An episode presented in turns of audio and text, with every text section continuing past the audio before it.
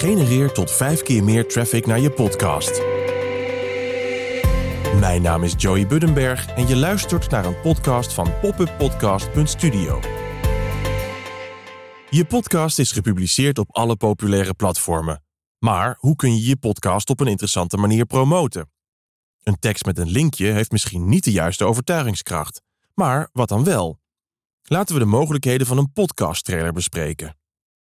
Een podcast-trailer heeft meestal een lengte van 30 tot 60 seconden en bevat weetjes en hoogtepunten van wat jouw aflevering te bieden heeft. Zorg dat je de titel van jouw podcast altijd noemt aan het begin van je trailer en geef een kort overzicht van wat jouw luisteraar in je aflevering kan verwachten. Houd het duidelijk, beknopt en to the point. Deel interessante quotes van aanwezige gasten om de luisteraar te prikkelen en sluit af met een duidelijke call to action. De audiogram. Een audiogram is een statische afbeelding die wordt omgezet in video. Door er audio en een geanimeerde geluidsgolf aan toe te voegen en er een transcriptie overheen te plaatsen. Maar waarom zou je van je audio van je podcast een video maken? Een audiogram presteert beter dan een tekst of een statische afbeelding die wordt gedeeld.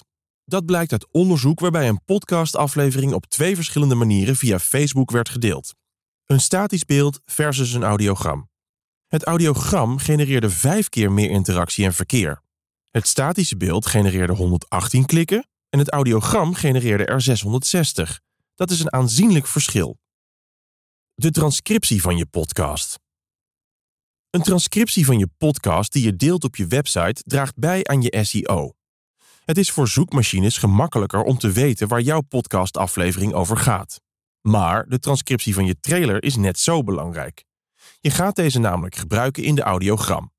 Mensen zijn eerder geneigd om naar iets te kijken en te luisteren wanneer het ondertiteld is. Zonder ondertiteling is het misschien niet direct duidelijk dat je te maken hebt met een video. Dat kun je overigens voorkomen door een animatie toe te voegen die aangeeft dat de video ook audio bevat. Maar dat is niet de enige reden waarom we ondertiteling toepassen. Maar liefst 85% van de video's wordt namelijk afgespeeld zonder geluid. Voor YouTube maak je een uitzondering. Wanneer je jouw audiogram naar YouTube uploadt, doe je dit zonder transcriptie in de video. Je transcriptie dien je namelijk afzonderlijk te uploaden. Op die manier kan de audiogram door zoekmachines geïndexeerd worden en dat draagt weer bij aan je SEO. Er zijn drie dingen die echt belangrijk zijn voor de vormgeving van jouw audiogram: de keuze voor de afbeelding, de juiste titel en in welke formaten je je audiogram vormgeeft. Afbeeldingen met daarop mensen presteren doorgaans beter.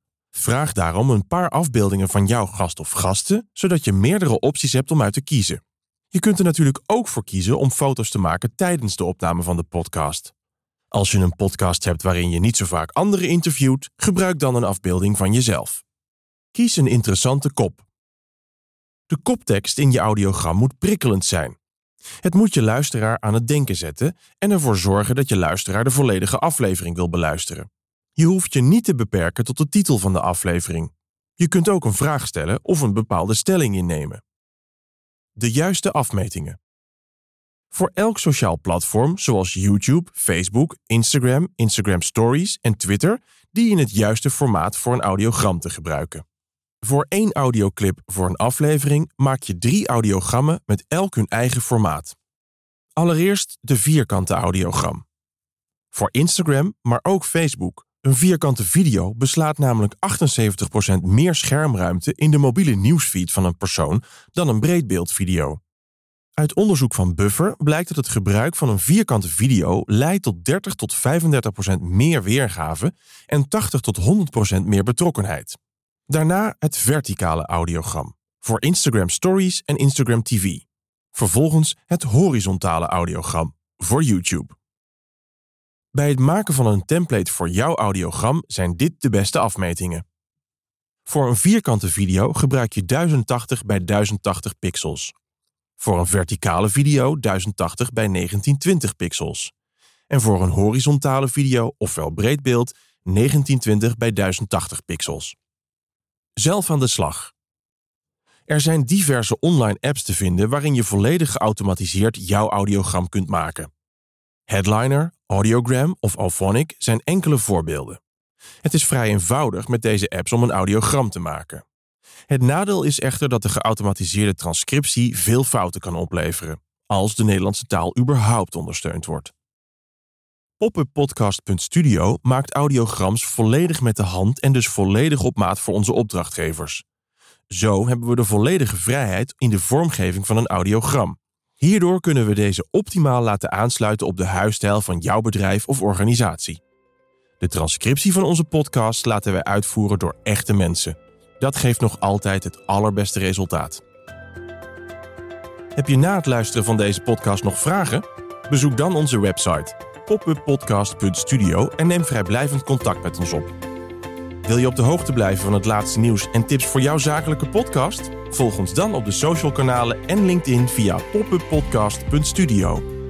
Vond je dit een interessante podcast? Deel hem met je collega's en abonneer je op ons podcastkanaal via Apple Podcast of Spotify.